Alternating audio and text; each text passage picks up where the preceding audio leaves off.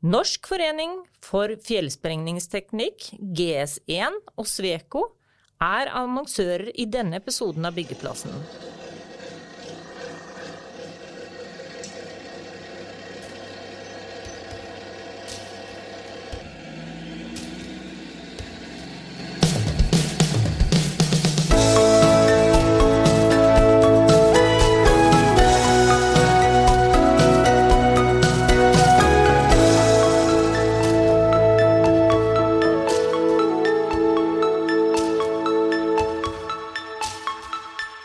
Hvordan utvikler man et enkeltpersonforetak til en bedrift som omsetter for en halv milliard 20 år senere? Og hvordan ser fremtiden ut for Kristiansands entreprenørflaggskip Kruse Smith? Det har vi lyst til å finne ut i dag i denne episoden av Byggeplassen, direkte fra Arendalsuka. Jeg heter Kristian Aarhus, og med meg som programleder har jeg som vanlig Frode Haga.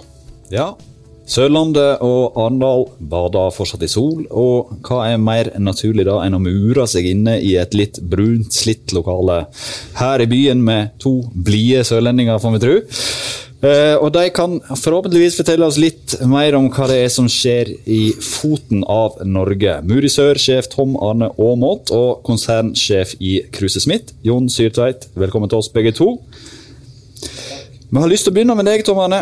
Eh, for denne her historien om Muri Sør og din reise fra da du starta som murer i eh, et enkeltpersonsforetak for 20 år siden, den har vært innholdsrik, vil jeg tro.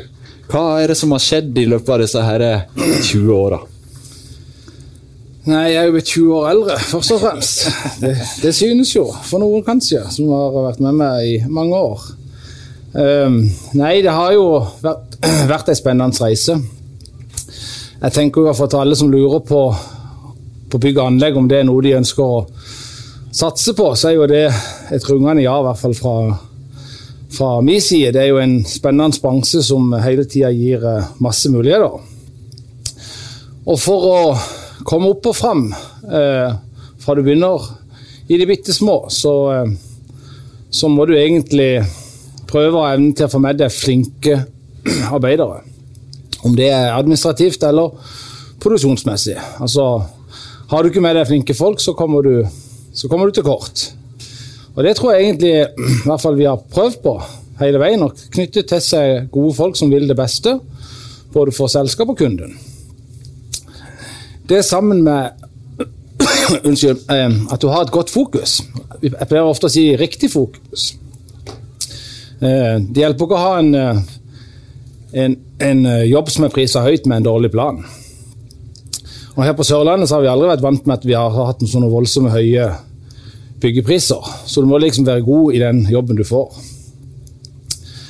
Med tid og stunder når ting blir større og ting vokser, så er det jo sånn at du endrer jo på en måte organisasjonen i takt med, med størrelsen på selskapet. Så er det jo hele tida å klare å balansere det på en fin måte. Det har vel blitt 103 personer etter hvert? Ja, vi er blitt eh, litt over 100 mann. Så det er klart det å, å, å drive med en litt sånn flat struktur eh, organisasjonsmessig, samtidig uh, drive med ja, I dag kaller vi det litt sånn for involverende planlegging. At du får med deg folkene på laget. Hva er det vi egentlig skal ut og gjøre? Jo, vi skal ut og skape et, et godt stykke arbeid i en kontrakt som vi har fått. Og da trenger vi egentlig at alle sammen er med og drar positivt i samme retning. Så finnes det alltid ulike meninger og alltid ulike løsninger, for det finnes masse veier til rom. Men det å ha med seg de flinke, dyktige menneskene til å kunne legge en god plan, det tror jeg er viktigere i dag enn eh, eh, altså jeg tror det er viktigere i dag enn noen gang. For tidligere så var jo ofte entreprenørbransjen litt sånn at det, eh, Sånn og sånn er det, og sånn og sånn har det vært, og sånn og sånn skal det alltid være. Men i dag er det litt sånn at uh, hvordan kan vi løse det best sammen? Det å få til den involverende planlegginga, det tror jeg egentlig er også en nøkkel for å lykkes. At ikke, at ikke bare trer ting ned, prøv, eh, ned ovenifra. Det tror jeg er bra. Og så har jeg notert meg et, eh, et punkt til der som jeg syns er egentlig et, et et veldig viktig punkt, og det er jo litt det der med Vi snakker om risiko. Eh, når en stadig utvikler eh, bedriften med flere ansatte alt, så er det liksom type jobber du jobber med. Altså det å jobbe riktig jobb, med riktig jobb som organisasjonen behersker. Ikke det at ikke en skal drive med nybrottsarbeid, men du kan liksom ikke drive med for mye nytt omganger. For du må ha med deg bondelinja på veien for å kunne vokse videre. For har man ikke med seg bondelinja, så får man ingenting til å vokse. Så det har vært liksom litt av de der suksesskriteriene, som jeg vil si. Så Men så, ah, når man hører mur i sør, så er det lett å tenke nettopp mur. Ja. Men dere har jo bevega dere inn i andre markeder. Dere, dere, er- dere er først og fremst en entreprenør. Dere er i bygg, anlegg og servicemarkedet. Fortell litt om, om den reisa der, og hvordan dere kom dit. Nei, vi begynte jo med bygge altså vi, en, vi begynte jo med som en UE for uh, både mindre byggmestere og større byggmestere. eh, mindre entreprenører, større entreprenører. Som vanlig egentlig og begynte der og hadde et mål om å gjøre disse kundene vi jobber for, fornøyde. Jeg er jo murer yrke. Eh, det er jo det eh, den reisa jeg gikk med vanlig yrkesskole og, og, eh, og, og praksis, og tok mesterskolen etterpå. Og gikk videre til til å starte egen virksomhet lenge før jeg tok noe videre økonomisk utdannelse. Så du kan si Den reisa egentlig har gått seg litt til av seg sjøl. Altså, du, velger liksom ikke gape over for mye eh, omganger, og så tar du liksom ting i riktig rekkefølge og bygger stein på stein. Altså Det å bygge opp ting veldig fort, det eh, har aldri vært vår tanke. Vår tanke har egentlig vært å bygge det eh, stein på stein, og så egentlig få med seg bondelinja på veien. For Det letteste er jo egentlig å vokse fort, men å få med seg bonden det er jo det som er vanskelig. Vi tar en kort pause fra byggeplassen for å høre fra våre annonsører. I Sveko er vi 17 500 eksperter som jobber med å forme fremtidens byer og samfunn på tvers av Europa. I rapportserien Urban Insight deler noen av våre kollegaer sin ekspertkunnskap innen alt fra byutvikling, bærekraftig bygg og nye former for mobilitet. Vil du vite mer? Sjekk ut svekourbaninsight.no. Og da er vi tilbake på byggeplassen. Før vi prater litt mer om Huset Smith, Jon, så fortalte du en liten historie om første gang du hørte om Tom Arne. Før vi gikk på lufta her. Kan du ikke fortelle den for lytterne? Jo, det, og det tror jeg jo også Han nevnte vel ikke det som noen av suksesskriteriene, men det har jo, det har jo en del med Tom Arne som person å gjøre. Uh, og vi på Sørlandet er jo imponert over og stolt over det han har fått til. Men han var det er vel 20 år siden det, han var en ung murer hos en kamerat av meg skulle bygge bad. Eh, og han Kameraten min la merke til den unge muren fordi at eh, han gikk aldri, han løp. Han løp og henta mørtel, han løp og henta fliser, og det var et voldsomt tempo. Og det er klart, den energien som du har hatt om mannen og har, det er klart, det er jo også viktig for å greie å bygge det du har bygd, tenker jeg. Og så skryter du at du står tidlig opp. Men det handler egentlig om å være på og ha fokus. Jeg går på jobb for å gjøre mitt beste hver dag. Men det er ikke alle som har vekkerklokka på 04.25 første dag etter er ferien. heldigvis, heldigvis vil, jeg, mange, vil jeg si det. Men, men eh, for all del, det handler egentlig om å, om å stå opp tidlig og jobbe, og jobbe til du er ferdig. Det har egentlig vært det målet. Jeg var oppvokst på gård og egentlig fått det inn med morsmelka. Og så har jeg prøvd å det mest, eller smitte det mest mulig over på den organisasjonen som vi har. Så vi, vi sier det at vi har liksom ikke altså, vi, vi går på jobb og så har vi en plan, og så prøver vi å følge planen så godt det kan. og så eh, gjør alle så godt de kan. og da mener jeg da, Hvis alle gjør det med en god plan, så er det mer enn godt nok. Da må vi få inn eh, deg igjen, da. Nå skal du få lov å snakke om Kruse Smith, og ikke hvordan han springer med mørtel og sånn. hvordan, eh, det, det er jo ikke noen hemmelighet at Kruse Smith det har hatt noen tøffe år. Eh, fem tøffe år eh, etter, etter det jeg kan se i regnskapstallene. Men så sier du nå at selv om de har tapt noen penger i eh, 2020 òg, så ser du positivt på neste år, og nå begynner det å nærme seg ei svart bunnlinje igjen. Hva er det som skjer nå i Cruiser Smith? og hvor optimistisk er du med tanke på framtiden? Nei, og de sier en entreprenør det er en optimist med dårlig hukommelse, er det ikke det? Så, så vi er jo optimistiske, men det, men det er jo fordi at vi har gjort grep. Og det trengte vi jo, for det, at eh, det snur ikke av seg sjøl. og sånn sett så har vi gjort grep både på kostnadssida, det var vi helt nødt til. Eh, og så har vi gjort grep på risikostyringa. Og egentlig litt som Tor Arne sier, mye mer tydelige på hvilke prosjekter som passer oss. Og så kalkulerer og regner de med kvalitet, tar betalt for risikoen, og så styrer de etter en, en, en god plan. Så det er klart disse grepene har vært viktige for at vi nå har snudd, eller er på vei til å snu. i hvert fall. Og sånn sett, Det som gjør at det er optimistisk, det er at vi jo nå i snart ti måneder leverer sorte tall hver måned. Så da er du ganske trygg på den der bunnlinja til neste Ja, år? da? jo da, men altså Du vet jo det, jeg skal jo bare ett veldig dårlig prosjekt til, så det er vel kanskje aldri helt trygg i denne bransjen. Men vi er veldig optimistiske nå på at vi er på rett vei. Og så har vi jo vi har jo langt å gå til dit vi vil være. Vi ser jo hva en del av de flinke konkurrentene våre greier å levere på bunnlinja, og det er jo dit vi vil. Og der er vi ikke på langt nær ennå. Men det jobber vi hardt med, og vi har også Det er jo som Tom Arne, sier, det, mye av dette dreier seg om flinke folk, og det har vi. Sånn at vi, så det gjør meg også optimistisk på at vi får til dette. Men han er jo blitt så stor nå at eh, du eh, sa her innledningsvis at eh, Eller før vi kom på at eh, nærmer, eh, han begynner å nærme seg en konkurrent nå. Ja, og så skal han jo si at ja, det er hyggelig med konkurrenter. Det, eh, men det, det gjør han absolutt. Altså Både på anlegg konkurrerer vi om jobber, på leilighetssida konkurrerer i hvert fall sånn i det samme markedet. Men det er sånn det er, så det må vi, må vi tåle. Men en forskjell mellom dere to det er at dere er jo i større grad en riksentreprenør. Dere har også jobber utafor Sørlandet. Si litt om hvordan det er.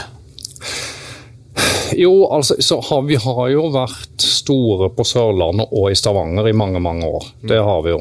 Og så er vi nå både også i Oslo og Bergen. Eh, nei, det, men det, det er jo det er en jobb å etablere seg i nye markeder. Det er det ikke noe tvil om. Ja, for det jo, man sier jo at building business is a local business. Ja, ja da. Så, men eh, nå, nå for, begynner vi å få fornuftig størrelse i Oslo, eh, og også på vei i Bergen. Så sånn sett så er vi optimistiske til det. Og så har vi jo anleggsavdelingen vår. Den konkurrerer jo om jobber i hele Norge, egentlig. Men spør deg da, hva, Mur i sør, blir det mur i Norge snart nå da, eller? Nei, vi skal reindyrke de segmentene som vi er i da, og det er eh, bygg. Det skal vi bli enda bedre på. Jobber, jobber vi kontinuerlig med å bli bedre på. Anlegg, der spiser vi litt og litt år for år. Litt, litt mer av omsetninga går mot anlegg. Og så har vi en serviceavdeling som, som funker bra, og som eh, med riktige folk som jobber der, som gjør at eh, den eh, klarer også å levere. Men da, på anleggssida så er det vel sånn at du må så litt større kanskje enn en bare sør? Ja, Vi reiser jo rundt i Sør-Norge, og så har vi vært, så er vi jo av og til i Bergen av og til i Trondheim. altså Vi har en, en kjerne som reiser litt. Det er jo den, den organisasjonen bygd for, og det jobber vi greit med og lever greit med. Så du kan si eh, litt mer risiko i den type prosjekter. Og der må en jo være enda flinkere og enda mer dedikert på hva, hvilke type prosjekter du velger å gå inn i. Og så er det mange store anleggsprosjekter på gang. Man skal bygge en ny firefelts vei fra Oslo til Stavanger. Man har kommet langt ned. Snart gjennom mitt kjære Porsgrunn nå, men det er mye igjen på Sørlandet. Hvor viktige er de prosjektene for, for begge dere to? Nei, det er jo kjempeviktig. Det at de nå holder på mellom Kristiansand og Mandal, skal i gang videre mot Lyngdal. Forhåpentligvis skal bygge Gartnerløkka om ikke så lenge, Tom Arne.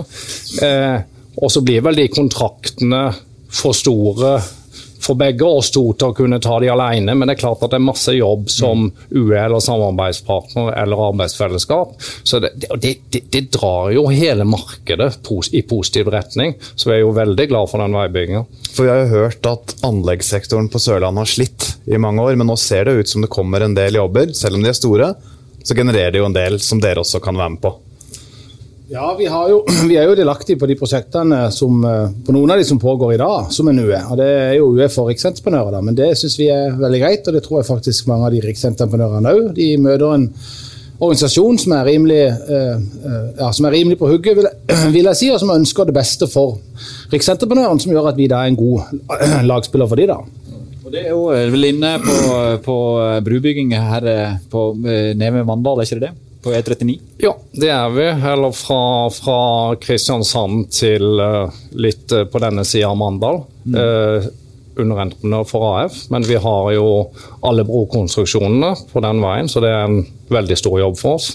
Der er vi inne på noe spesiell, eller som begynner å bli litt sånn spesialnisjer for uh, i det norske markedet etter hvert. For at det færre og færre norske entreprenører satser jo på bru. Ja. Uh, men det gjør ikke det. Uh, eller det vil si, det satser på bru. Ja.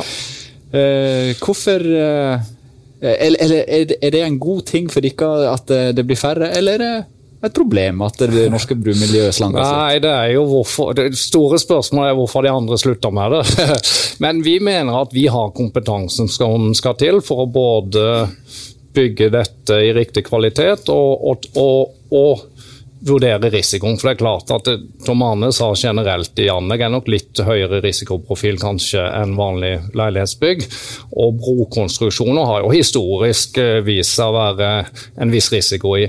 Men det er klart, vi har høy kompetanse der, og sånn sett er vi glad for at det blir færre konkurrenter. Og så må vi velge de riktige prosjektene som passer oss. Og så må vi prise det riktig, og så må vi ta betalt for den risikoen som ligger der. Vi tar en kort pause fra byggeplassen for å høre fra våre annonsører.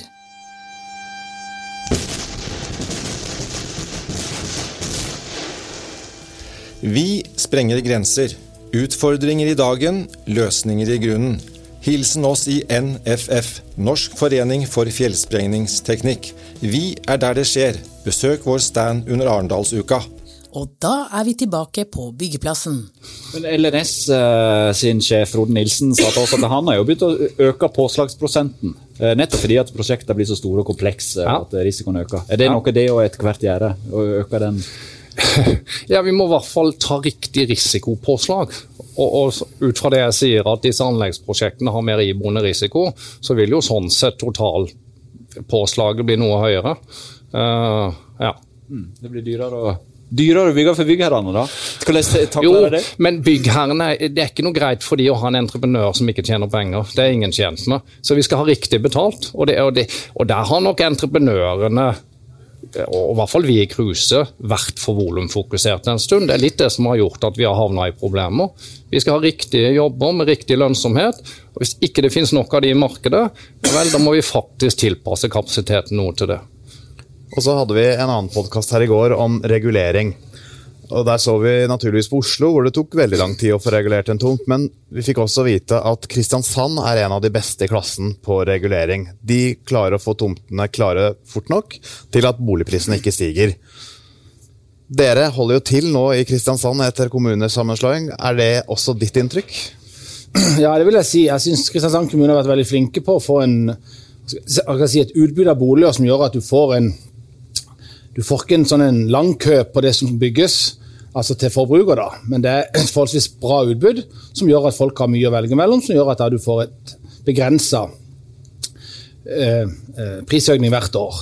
Det er klart Tilbud og etterspørsel det vil jo alltid ha veldig med å si, men det er klart at det, når tilbudet er forholdsvis stort ut, og kommunen har vært god til å, til å regulere dette sammen med alle de som, uh, u, eh, som utvikler det, så, så, så gjør jo det at det, på de prosjektene du velger da å gå inn i, så er det utrolig viktig at du går inn i riktig type prosjekter. For trør du da feil i et prosjekt som egentlig altså Det kan være veldig små nyanser for hvor det er hen. Altså det å ha den kunnskapen på hvor du er, hvor du bygger, eh, det, det er jo helt essensielt for å lykkes med typiske boligbygg eller leilighetsbygg som vi bygger i egen regi.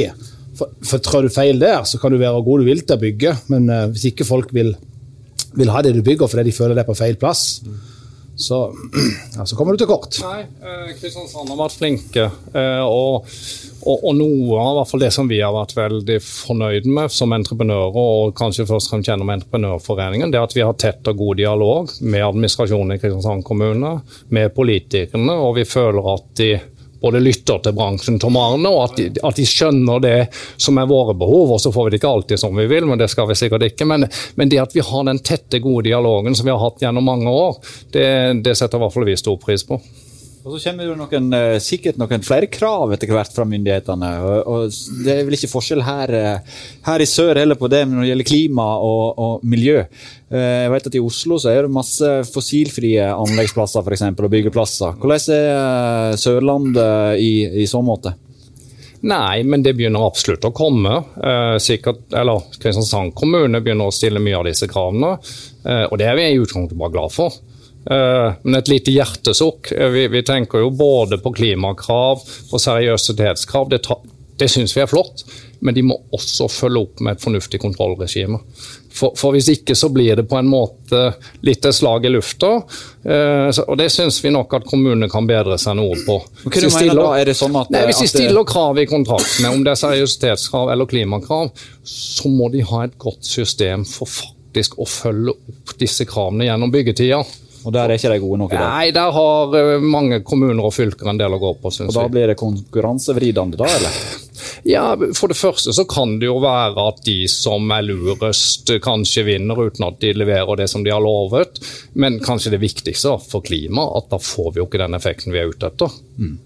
Hvordan jobber det Jeg kan høre med begge to, egentlig. Hvordan jobber det med å kutte klima i, eh, i selskapet de jobber for? Nei, altså, altså jeg tenker at eh, når vi bygger inn i vi kaller det jo storbyen, da, Kristiansand, da, der som er, eh, vi bygger mye da, så er det jo å prøve å tilpasse seg de mulighetene du har.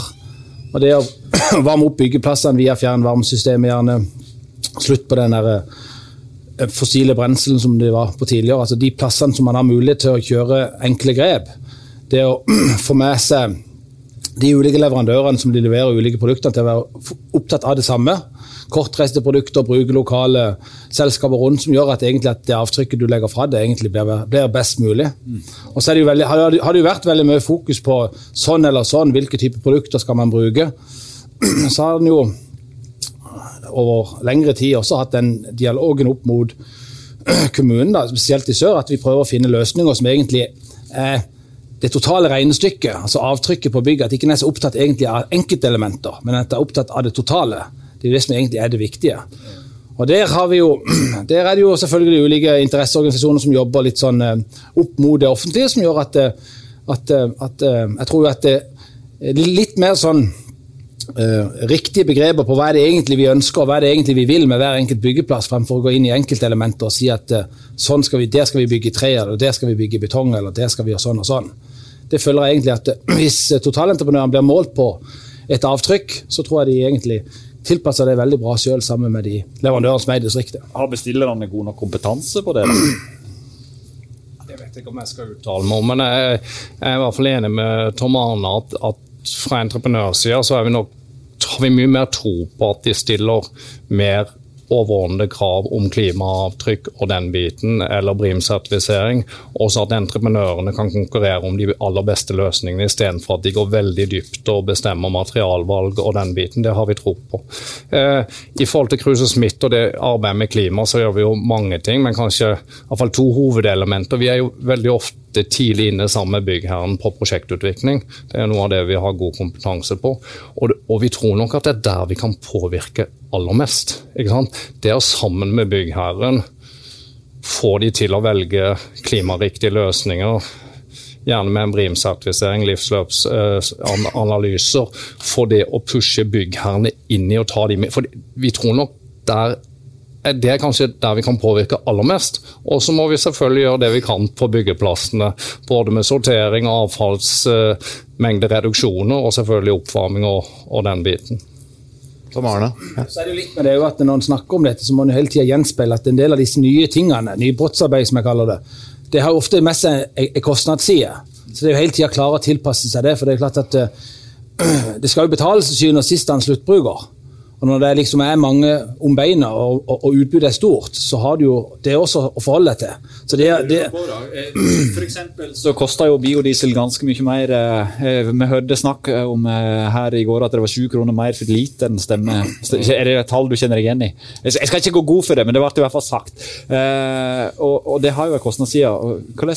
Er det insentivordninger som må på plass her, da? Eller hvem skal ta regningen? Nei, altså syvende og sist når du jobber, i det, altså, jobber du med offentlige bygg, så er det jo en ting, det er det offentlige som får regninga. Jobber du i det private, så er det jo til syvende og sist forbrukeren som kjøper, som egentlig må betale for den kostnaden entreprenøren har for å bygge opp dette.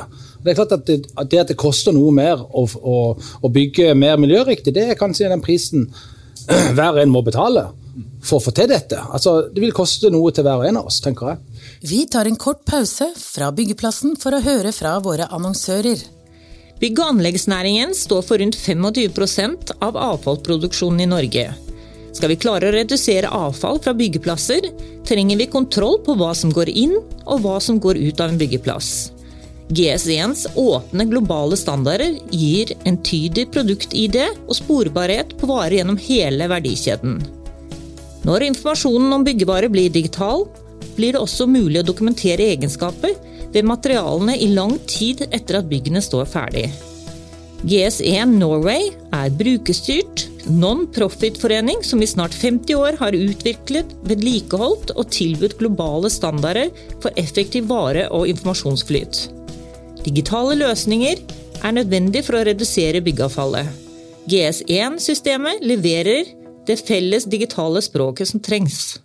Og da er vi tilbake på byggeplassen. Ja, og så tenker jeg jo, for jeg tror i hvert fall sånn i starten at det koster noe mer en del av disse løsningene. Så jeg har jo i hvert fall jeg tro på at når, det, når, du får flere som tar det i bruk, så går kosten ned, og så blir det ikke så stor forskjell.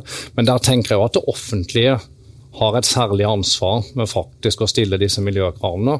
Noen av de er veldig flinke, og så er det litt sånn sprik i det laget. Men altså, vi som entreprenører syns det er helt supert at, at uh, kundene våre stiller klare miljøkrav. Men igjen så må de lage et system så de får fulgt opp også til den som vinner kontrakten.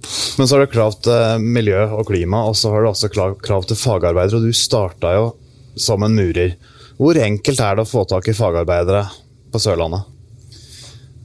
Altså, det rekrutteres jo bra via skolene. Og så er det jo litt det der å få tak i de kloge, de kloge hodene. Og samtidig gjøre bedriften interessant for alle disse nye menneskene som kommer opp og fram. For det er klart at eh, Byggebransjen er jo ikke det han en gang var.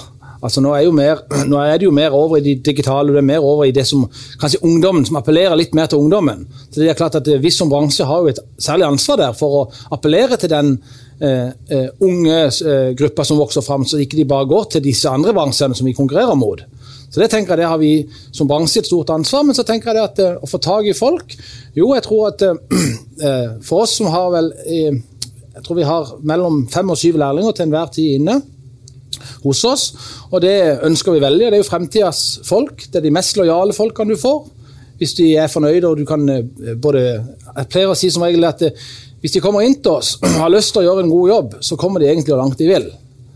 Så mulighetene for en som velger å gå på bygg og anlegg, de er jo eh, kjempegode. Om du velger å gå dit at du ønsker å bli en fremtidas prosjektleder, anleggsleder, byggeleder.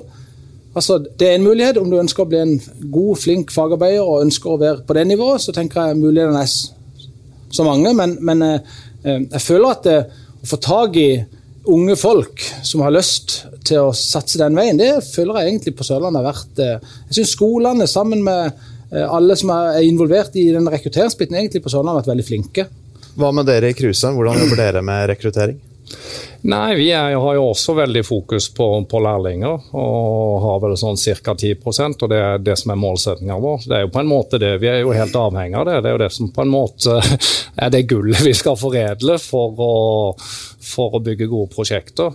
Og så er det nok som Tom Arne sier, i hvert fall forhold til resten av landet, så har vi jo stort sett greid å få inn den kapasiteten vi har vært ute etter. Men så tror jeg vi må være enda mer bevisste på om vi gjør det sjøl, men vi gjør det mye gjennom Entreprenørforeningen, og selger oss inn. Både til ungdommen, men til foreldrene til ungdommen. ikke sant? Og så må vi passe på å framsnakke næringa, sånn at de ser at dette er en flott næring som både er fremtidsretta, som skal løse en viktig bit av klimautfordringen. Så, så, det er jo viktig. Jeg trenger vel gode forbilder. Jeg minnes at du hadde en eh, hadde ikke du en læremester som het noe sånt som Svendsen? Du var Svendsen Sven. Og uh, hva var det som gjorde at du sprang rundt fortere enn de andre? Var, var han et godt forbilde?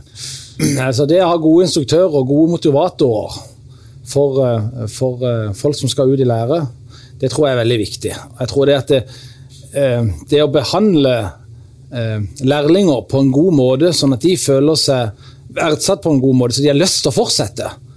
Det, det tror jeg også er liksom, altså der, Det der eh, gubbeveldet som tidligere var, det må vi prøve å komme vekk ifra. Og det er vi på vei vekk ifra også. Vi må få inn både eh, eh, masse unge eh, jenter, unge gutter som kommer. At, at det er liksom en, en, en, bransje for alle, ikke bare for noen bitte få.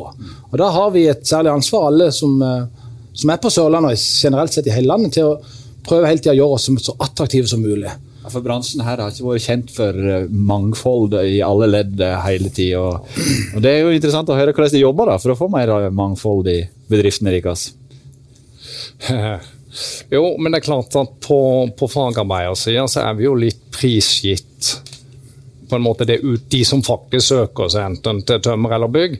Men vi jobber jo sammen, eller godt sammen med EBA i forhold til unge bygg og anlegg å få utvida det eh, spekteret på hvem som faktisk søker seg til bygg og anlegg. Eh, og da tror jeg i hvert fall vi må, vi må være flinke til å framsnakke næringa.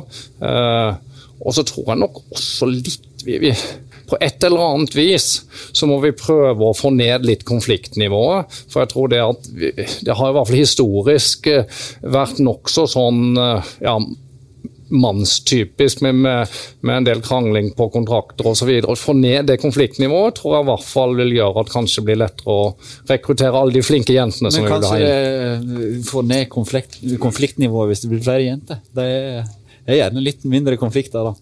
Ja, jo. Er det andre typer konflikter, kanskje? Nei, ser, jo, men, jo, men, det er jo sånn det er. Men jeg vil jo si at uh, hvis en ser på det i mennesker man jobber Eh, jobber sammen med til daglig, så syns jeg at, at, eh, hvis en tenker på vårt eget kontor, da, å ha den spredninga og ha egentlig ulike typer mennesker, at ikke det bare sier det er et gubbevelde, det er jeg sykt glad for. Og så står vi her fire menn og snakker ja, ja, det ser du. Her, så vi har en jobb å gjøre. Ja, Nei, så vi har, vi har absolutt en jobb å gjøre. Vi starta med to kvinnelige gjester, avslutter med to mannlige. Det er jo en viss likebalanse, er ikke det, Frode? Det, det får vi si, det. Eh, vi nærmer oss eh, halvtimen. Vi har hatt eh, to snakkesalige sørlendinger med oss. Veldig hyggelig å ha dere på besøk her i Arendal. Neste gang det hører fra oss i byggeplassen, så er det fra kjente lokale i vårt eget studio. Hvem vi skal ha som gjester da, det er ikke bestemt ennå, men jeg og du, vi kommer der. Vi kommer tilbake. Takk for oss.